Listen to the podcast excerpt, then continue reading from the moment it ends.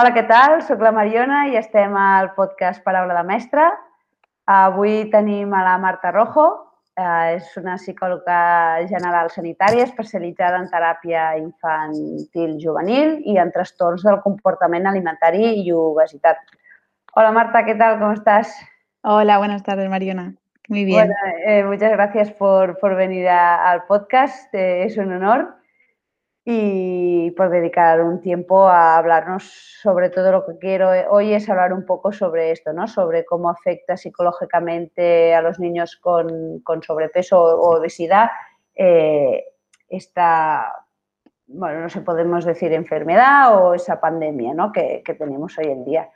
Si quieres, antes de nada, decirnos un poco de qué trabajas dónde estás, en qué proyectos. Bueno, pues como decía, soy psicóloga general sanitaria, especializada en terapia infanto-juvenil y problemas relacionados con la alimentación. Eh, principalmente mi jornada la dedico como docente e investigadora en la Universidad Autónoma de Madrid, donde estoy desarrollando mi tesis doctoral sobre obesidad infantil y luego eh, también paso consulta privada en, Madrid, al sur de Madrid. Muy bien. Pues así ya empezamos directamente al grano. Eh, te quería preguntar qué factores eh, psicológicos hay asociados a la obesidad infantil, en, qué sufren los niños. Pues mira, Mariona, desde hace ya un tiempo ha cambiado la perspectiva que tenemos a la hora de entender la obesidad infantil. Antes eh, principalmente se hacía desde un abordaje muy médico y afortunadamente ahora se entiende desde una perspectiva más amplia donde los factores psicológicos y familiares están jugando un papel muy, muy importante. Hemos visto en investigaciones que en comparación con el grupo de iguales con normopeso, los niños que presentan exceso de peso tienen una mayor probabilidad de presentar eh, dificultades a, nivel psicológico, llegando a, presentar incluso un diagnóstico eh, en la infancia.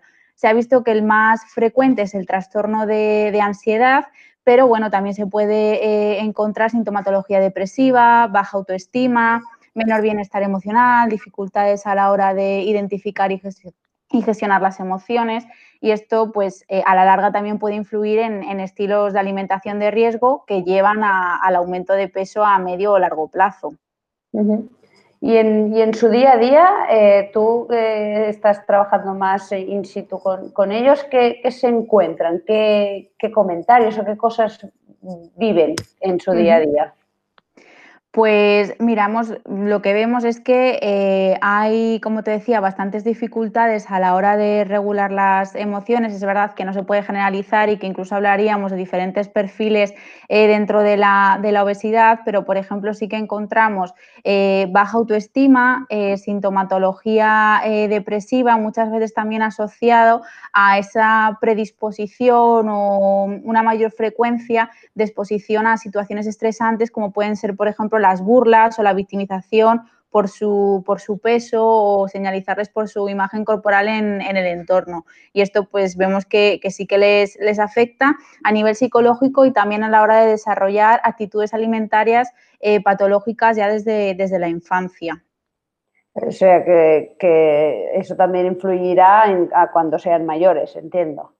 Efectivamente, sí, de hecho muchas veces pensamos que mm, a lo mejor porque no hay tanta conciencia ¿no? de, del problema, que es eh, algo de la infancia y bueno, pues que los niños pegarán el estirón y que con esto se acabarán los problemas, pero lo que se ha visto es que es un problema de salud que precisamente tiende a mantenerse y cronificarse a lo largo del tiempo y que el niño que presenta exceso de peso en la infancia tiene una alta probabilidad de mantenerlo en la adolescencia y también en la, en la vida adulta. Entonces, no solo se trata de del problema a nivel físico, es decir, ese exceso de peso, sino también toda la comorbilidad que, lleva asociada, pues, por ejemplo, esas dificultades a nivel, a nivel emocional, que posiblemente también se va a mantener en la, en la vida adulta si no se gestiona correctamente.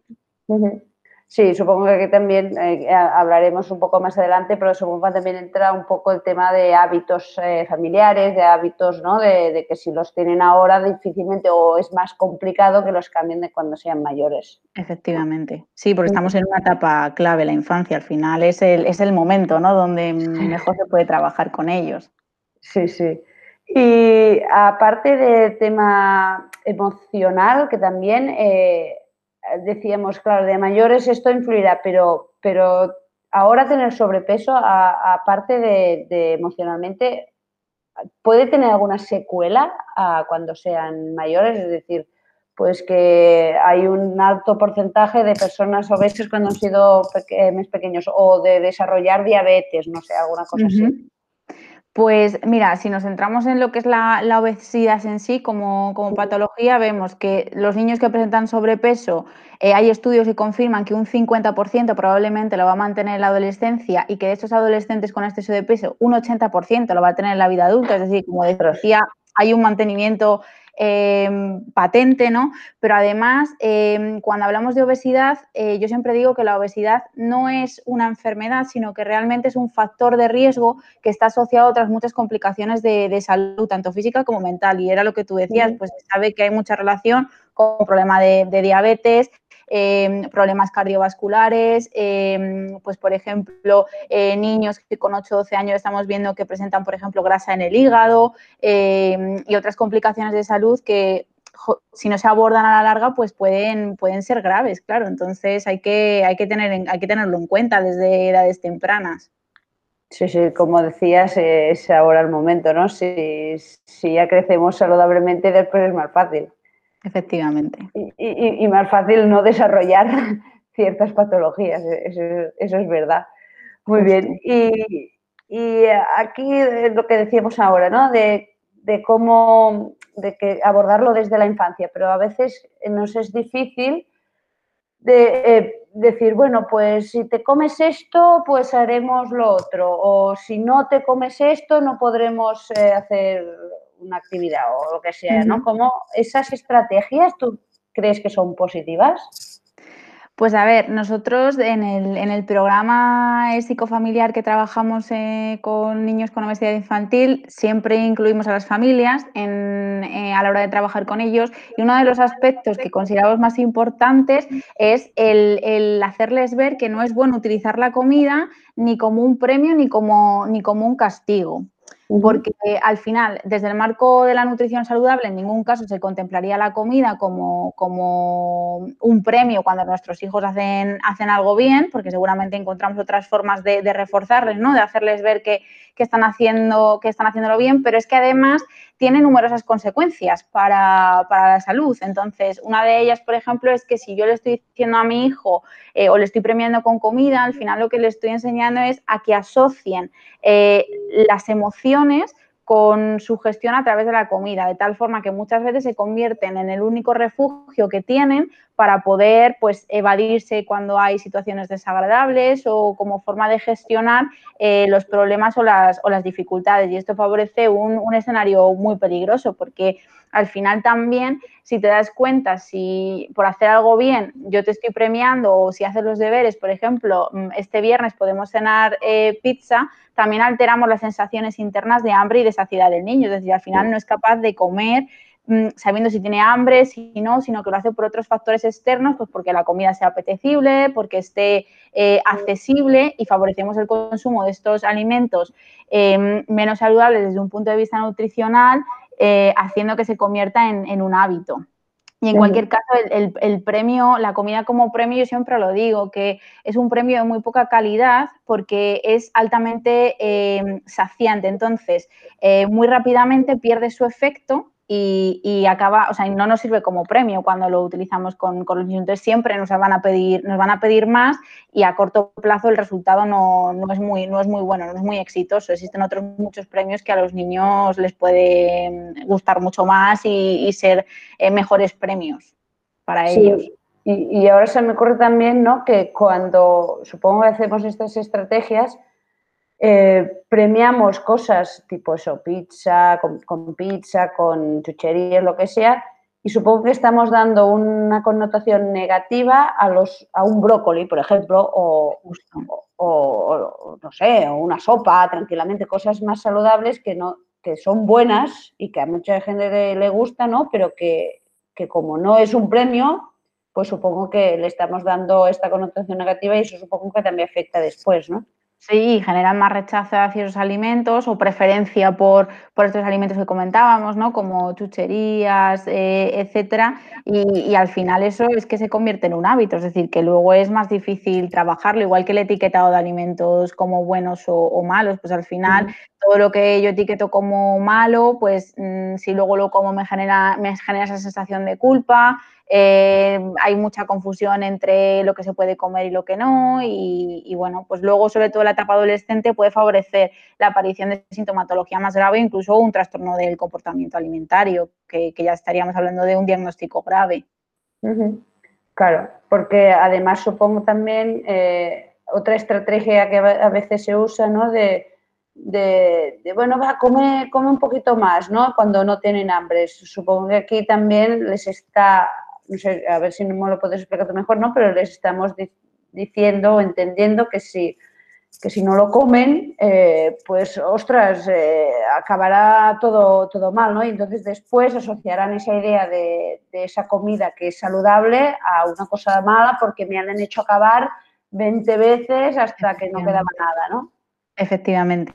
Sí, de hecho ahora hay mucha investigación en ese sentido. Están centrándose en ver las prácticas parentales asociadas a la alimentación de los niños. Se está viendo que efectivamente eh, pues, eh, acciones como la que tú comentabas, de presionar para que el niño se termine el plato o que coman rápido o eh, estar como supervisando continuamente lo que comen, forzar a, a, que ingieran algunos alimentos eh, por el simple hecho de que sean saludables, generan el efecto contrario al que, al que esperamos. Entonces, al final generan un rechazo eh, hacia esos alimentos, favorece el consumo de otros productos que precisamente son, los que los padres intentan evitar y, sintomatología alimentaria, pues por ejemplo, ansiedad eh, con la comida, pérdida de control en la ingesta y de forma transversal al final pues el aumento de peso, claro. Sí, ahora te preguntaré más por las familias, pero, pero tengo que decir que no es solo un hecho que pasa en, en, familias, porque yo como maestra también pues los veo desayunar o también comen con, con monitores, ¿no? Y supongo que es cosa de todos. Eh, yo cuando estoy con ellos, también mi actitud, mis palabras que, que, que, les digo afectarán. O sea que yo creo que obviamente la familia es un juega un papel clave, pero que son muchos los, los las personas que influyen en, en esto, ¿no? Totalmente de acuerdo. O sea, yo creo que al final la familia es verdad que es un contexto muy directo, ¿no? Porque los niños, eh, los padres al final estructuran el ambiente eh, alimentario del, niño, pero lo que es cierto es que en este caso la escuela también es un contexto eh, directo del, del, niño donde pasan muchísimas horas. Entonces, pues a la hora eso de gestionar las medias mañanas o, por ejemplo, el comedor escolar, también se puede, educación alimentaria, se puede hacer muchísimas cosas desde el contexto, desde el contexto escolar. O sea que yo estoy totalmente de acuerdo contigo. Creo que el papel de los maestros y las maestras es mm, fundamental en el abordaje de la prevención de la, de la obesidad, vaya. Vale, y, entonces decíamos, la familia eh, juega un papel importante. Esa, ahora las familias que nos estén escuchando eh, dicen, pero no sé por dónde empezar, ¿qué puedo hacer? Eh, ¿Qué pequeños cambios o qué pequeñas cosas podemos eh, darles, qué tips podemos darles para que empiecen ¿no? a cambiar esas dinámicas, sobre todo a nivel ya de, ofrecer alimentos, pero también de, actitud, de hablarles, de cómo, de cómo afrontarlo a nivel más psicológico, más emocional. Pues, a ver, te diría que, las familias, como estábamos comentando, juegan un, papel fundamental. Eh, pequeños cambios, yo siempre lo digo, hay que eh, fomentar cambio en los hábitos, pero poquito a poco. Es decir, a veces se plantean objetivos muy a largo plazo y en realidad eh, los niños en la etapa escolar no entienden muy bien el concepto de salud como lo entendemos los adultos, ni mucho menos por los beneficios que tiene a, medio plazo. Entonces hay que hacérselo ver, hay que, hacer, hay que hacerlo de una forma atractiva, pues a través de, juegos o de retos en, en familia por supuesto, predicar con el ejemplo, porque hay muchas veces que nos encontramos pues, familias que vienen desbordadas, ¿no? porque los, hábitos de, los niños no son buenos y ya están en un estatus de peso eh, preocupante. Y sin embargo, cuando analizamos eh, los hábitos de la familia, vemos que eh, ellos también tienen mucho que cambiar. Entonces, es difícil pedirle, por ejemplo, a un niño que coma fruta si en casa no se hace pues es mucho más fácil que hagan actividad física si se hacen planes en familia, que si yo dejo a mi hijo em, para que él solo se haga responsable de, estos cambios, pues así es, es más difícil. Y luego, eh, respecto a la alimentación, pues principalmente lo que tú comentabas antes, es importante no forzar a los niños eh, a comer eh, ciertos alimentos por el hecho de que sean eh, saludables, porque al final si lo ven como una obligación genera mucho, mucho rechazo, sino ir incorporándolo em, de forma paulatina. Respecto a alimentos que desde un punto de vista nutricional no serían tan saludables, pues aquí lo importante es em, no prohibirlos si están accesibles, pero como padres tampoco ofrecerlos si el niño no lo pide, que hay muchas veces que, las propias familias ofrecemos a los niños estos, estos alimentos, ¿no? Pues, pues por ejemplo, pues porque estamos ocupados o porque sabemos que así eh, les animaremos a hacer los deberes, este tipo, este tipo de cosas. Y, sobre todo también en hacerles entender que los cambios que estamos buscando es para mejorar su salud y no tanto eh, para conseguir una bajada de peso o eh, un cambio en su imagen corporal. Es importante que, entiendan que, poner al niño a dieta, una dieta restrictiva, eh, a la larga genera muchas complicaciones. Lo que hay que hacer es eh, fomentar cambio de hábitos a medio y, largo plazo y desde un punto de vista emocional, yo siempre lo digo, hay que intentar sacar tiempo de calidad más que cantidad, que muchas veces que, decimos, es que no tengo tiempo. Bueno, pues el tiempo, el poquito tiempo que tengas, que sea de calidad y sobre todo también dedicar un espacio en casa para que los niños puedan eh, comunicarse, para que los niños puedan eh, expresar sus emociones, cómo se sienten, sus preocupaciones, porque muchas veces pensamos que los adultos somos los únicos que tenemos problemas y, y, los niños, pues bueno, pues a lo mejor el hecho de que un amiguito hoy se haya enfadado conmigo, para mí supone un, problema. Entonces, pues eh, que se puedan sentir escuchados y, saber, pues, pautar unos límites y unas normas, pero también siempre desde la, desde la calidez y, el afecto, que, yo creo que es eh, imprescindible y, sobre todo, pues, animarles y reforzar socialmente todos los cambios positivos que vayan logrando para, alcanzar un estilo de vida saludable en vez de centrarnos siempre en, las cosas que, no hacen bien o que no están haciendo tanto como nos gustaría a, los adultos. Claro, cambiar un poco el chip aquí, ¿no? El cambiar el, nuestro discurso, lo positivo, no tanto lo, lo negativo. Efectivamente. Muy bien.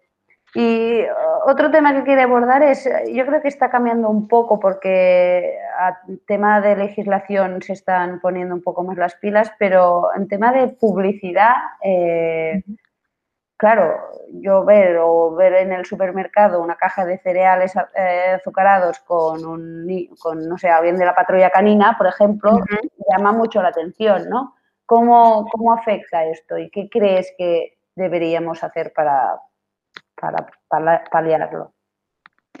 Pues a ver, yo creo que el objetivo de la publicidad alimentaria, como es lógico, al final es favorecer mm, el consumo ¿no? y la adquisición de un producto por parte del cliente, pero sí que es verdad que yo creo que eh, los clientes, es decir, los que compramos, eh, tenemos que intentar tener una mirada más crítica hacia pues, la publicidad o los productos, intentando ver un poco la cara, la cara B de la, de la moneda. ¿Por qué? Porque si nos damos cuenta, eh, al final siempre juegan con, esa presión ¿no? del marketing de la, de la, industria alimentaria y muchas veces nos están dando un mensaje que nosotros eh, interiorizamos y hacemos nuestro. Es decir, al final, por ejemplo, eh, nos venden muchos productos eh, o cadenas de alimentación donde básicamente lo que nos están diciendo es que el placer o la felicidad lo vamos a encontrar si consumimos ese, ese producto. Por ejemplo, en establecimientos de comida rápida. Esto es súper habitual.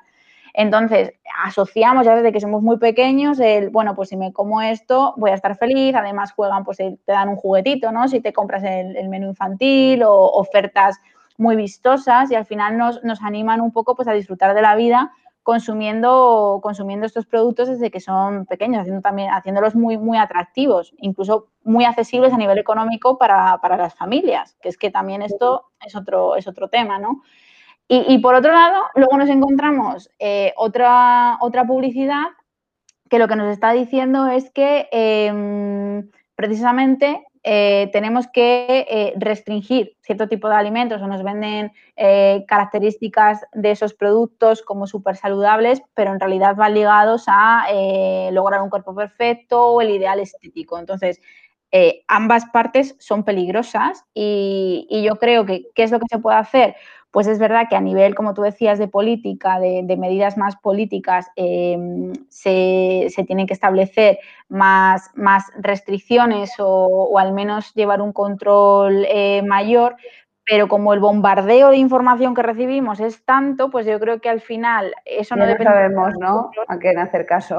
Exactamente, y sí poder desarrollar una mirada crítica hacia esto, pues para mm, no favorecer patrones de alimentación como la alimentación emocional, eh, en caso de que se mantenga a largo plazo, que puede llegar a ser un, problema, o la insatisfacción corporal, la, falta de aceptación ¿no? de, nuestro, de nuestro cuerpo, que se ve también mm, mucho en adolescentes, pero cada vez en niños más pequeños y, eso, pues intentar eh, protegernos un poco de todos estos mensajes que nos dan y ser conscientes de lo que estamos eh, consumiendo. Es decir, que de vez en cuando no pasa nada, pero que eh, sepamos diferenciar o separar la parte del producto de todo lo emocional o psicológico que nos quieren vender un poco cuando, cuando nos mandan los mensajes. Claro, ver con qué, están intentando ¿no? para que compremos más, eh, qué mensaje nos están enviando, si es para nuestra salud o es para que compremos el producto, ¿no? Efectivamente. Sí, sí, totalmente. Y es, lo que decías, perdón, dime, dime, perdona. No, te decía eso, que, es difícil porque al final el bombardeo es muy grande, estamos, mm. recibimos mensajes día a día, en publicidad, en, en redes sociales, en los establecimientos, es decir, que bueno, poco a poco. Sí, y además supongo que los, adultos que más o menos eh, están informados, pues pueden empezar a, dicen un poco, pero en niños pequeños o, adolescentes, que son donde quería entrar un poco ahora, claro, eh, vienen redes sociales el Instagramer o el influencer de turno que tiene un cuerpo perfecto y que lo dice que comiendo cuatro cosas y tal, ¿no? Eso también por el otro lado que decías, ¿no? De que, puede generar al revés, eh, un trastorno alimentario para intentar llegar a ese cuerpo de una manera que parece saludable pero no lo es. Eh, también supongo que aquí deben tener un poco de responsabilidad esas personas, no sé qué opinas.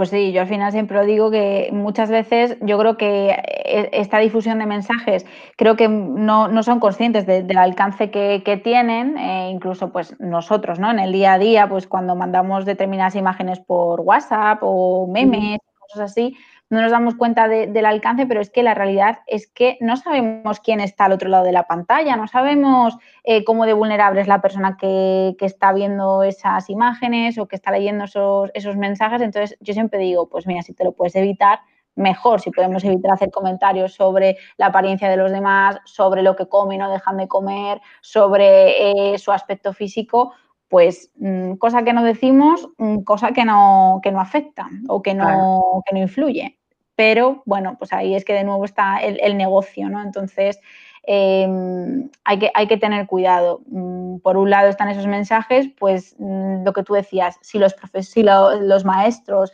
Em, eh, los psicólogos, las psicólogas, eh, la, familia y, todos los profesionales que al final trabajamos en, la etapa infanto-juvenil, pues si podemos aportar nuestro granito de arena para desarrollar una mirada, una visión más crítica mm, desde, desde edades tempranas, pues yo creo que ayuda, porque parece que no, pero, pero es importante.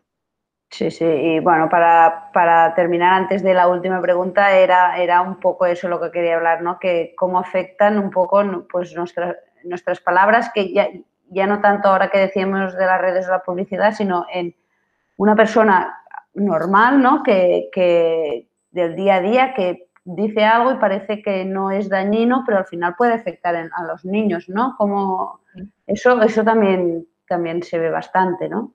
Sí, Mm, pues al final yo creo que las, palabras eh, afectan independientemente de la intencionalidad con la que los decimos. Eh, está concretamente alrededor de la obesidad eh, infantil y de la obesidad en la etapa adulta. Hay mucho, hay mucho estigma Entonces, pues lo que decía antes, si podemos evitar comentarios en torno a dietas, alimentos prohibidos, etiquetas de que los productos son buenos eh, o, malos, el aspecto físico de los demás, eh, estamos eh, promoviendo el cambio hacia un estilo de vida más, más saludable y también entender que la salud no es tener un peso determinado o alcanzar un ideal estético, sino el mm, tener hábitos eh, eh, saludables, tanto de alimentación como de actividad física, pero también cuidar la salud eh, mental, es decir, el bienestar, el bienestar emocional.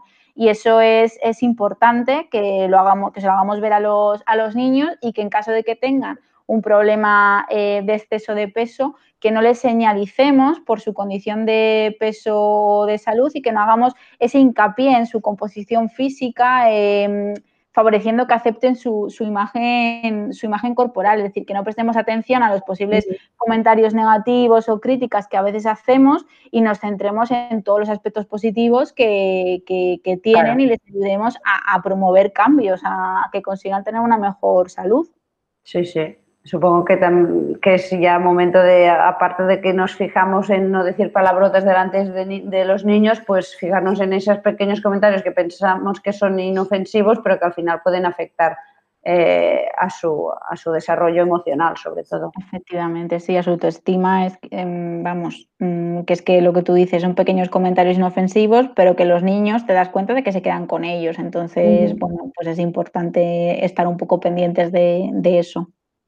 Muy bien. Y ya para finalizar, la pregunta que hago siempre, eh, si fueras ministra de, Sanidad o, de, presidenta o alguien con mucho poder y que pudiera influir, eh, ¿qué hábito, qué ley o qué propuesta harías para mejorar algún hábito o alguna cosa para mejorar la salud de los, de los niños?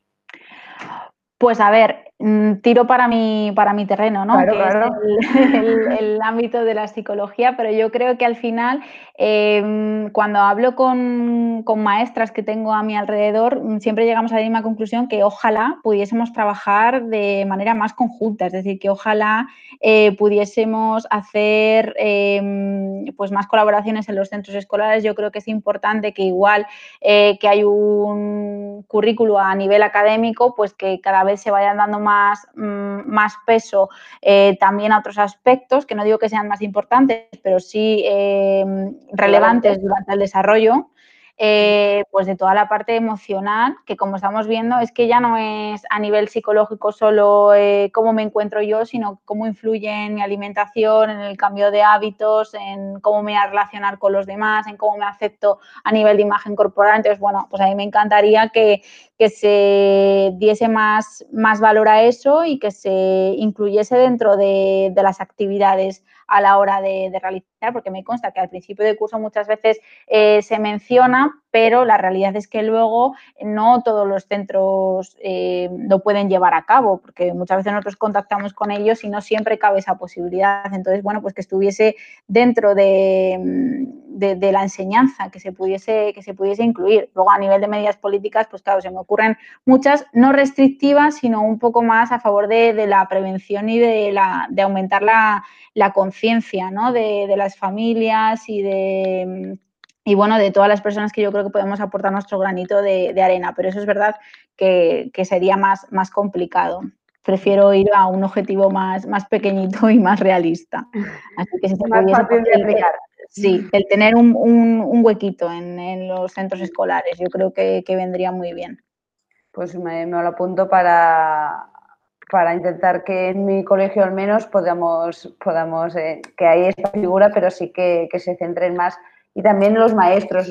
Yo a veces digo, sí, trabajamos el aspecto emocional, pero realmente que, llegue al niño, sí, pero, pero podría llegar mucho más, podría tener mucho más efecto, ¿no? Pues, pues lo mismo. Pues muchas gracias, Marta, de verdad. Eh, eh, hemos, aprendido, hemos aprendido muchas cosas y, y, la verdad es que una visión diferente, pero que a veces hablamos de salud de, pues eso que dices, ¿no? Actividad física y comer, pero salud también es tener salud mental, tener eh, paz emocional, tranquilidad, ¿no? Y eso muchas veces se, se olvida. Pues sí. pues muchísimas gracias a ti por la invitación, ha sido un placer y felicitarte por la iniciativa porque yo creo que estos son de estos pequeños pasitos que hablábamos, ¿no? Que, ayudan a, seguir adelante. Así que nada, agradecerte y felicitarte. Muchas gracias. Eh, pues eh, seguimos adelante. Un abrazo. Otro de vuelta. Adiós. Chao. I fins aquí l'entrevista d'avui. Ha estat un plaer tenir a la Marta amb nosaltres i ens ha parlat d'un munt de coses molt interessants sobre psicologia, sobre emocions, sobre com afecta eh, l'obesitat infantil en, en els nens. I res més, espero que us hagi agradat. Com sempre, us deixo a les notes de l'episodi tots els enllaços per si voleu seguir a la Marta, que, que realment està en projectes molt interessants i aporta moltes coses a les xarxes socials. Abraçada!